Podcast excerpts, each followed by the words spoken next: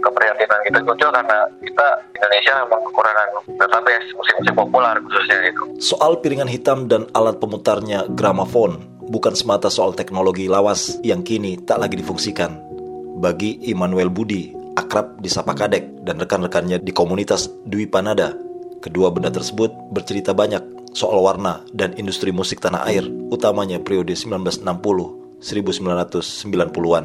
Ternyata dari dekade tahun uh, misalnya zaman Pak Soekarno menjabat sebagai presiden itu perkembangan musik yang muncul seperti apa genre musik lah kalau kita iya. lihat hmm, nanti pas kita pindah lagi ke zaman Orba hmm. gimana sih genre musik yang mereka mainkan dan hmm. kembali lagi ke zaman sekarang sampai semua itu muncul gitu dan yang bikin kita excited tuh kalau ternyata musik yang dipakai itu ada semacam musik-musik semacam propaganda dari pemerintah yang berkuasa pada saat itu.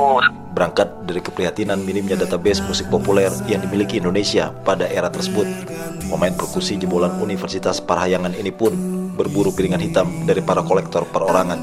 Tujuannya diinventarisir dan beberapa di antaranya dihidupkan kembali dalam format digital.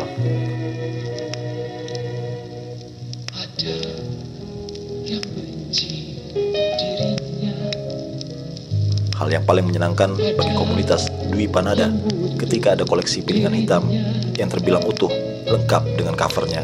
Syukur-syukur karena kita ketemu pelan memang yang lengkap dengan covernya itu kan kita bisa baca langsung gitu sini oh dengan seperti ini covernya dan seperti ini penerjemahan daripada album itu gitu mereka buat dengan hmm. direkam dengan alat spesifikasi mikrofon seperti ini alat yang untuk mereka rekam tuh kayak ini loh nah hmm. gitu Meredupnya popularitas piringan hitam erat kaitannya dengan perkembangan teknologi audio. Irzal, operator studio rekaman RRI Jambi, dengan cukup baik menggambarkan bagaimana pergeseran teknologi analog ke digital audio meminggirkan piringan-piringan hitam koleksi lembaga penyiaran publik ini.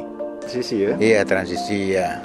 Awalnya ceritanya gini, piringan hitam kita transfer ke ini, pita rel. Oh, pita rel. Dari pita rel kita transfer lagi pita kaset. Mm -hmm dari pita kaset sampailah ke ini ke digital tadi itu ke komputer gitu kan hmm. simpan melalui uh, eh, CD apa DVD gitu kan hmm. setelah itu baru ada zaman tambah-tambah maju di apa dipindahkan ke ini ke hard disk hmm. nah itulah ceritanya singkatnya Jadi memang nyaris kita sendiri nggak nggak nggak mengelola ya nggak nggak mengelola kita koleksi-koleksi lama itu ya? nggak nggak ada belum sempat diinventarisir? Belum diinventarisir. Terpisah, Harman Manaf yang turut diajak berbincang seputar upaya inventarisasi dan restorasi musik populer Indonesia era 1960-an itu mengapresiasi langkah komunitas Dwi Panada yang diketuai Kadek. Sembari mengenang, mantan ketua PMI Kota Jambi ini pun mengaku kerap ingin bernostalgia memutar warisan piringan hitam seperti Elvis Presley dan The Beatles namun kini tak dapat lagi dilakukan karena mikrofon pemutar piringan hitamnya telah rusak 10 tahun silam. Saya senangnya kan lagu-lagu Beatles tahun 62, The Beatles. 60 60-an, bangsa Elvis, pokoknya tahun anu lah bangsa-bangsanya bahwa nah, sejak eh, mikrofonnya itu rusak. Nah, sekarang tak ke mana naruhnya, tidak tahu lagi. Arif Rahman melaporkan.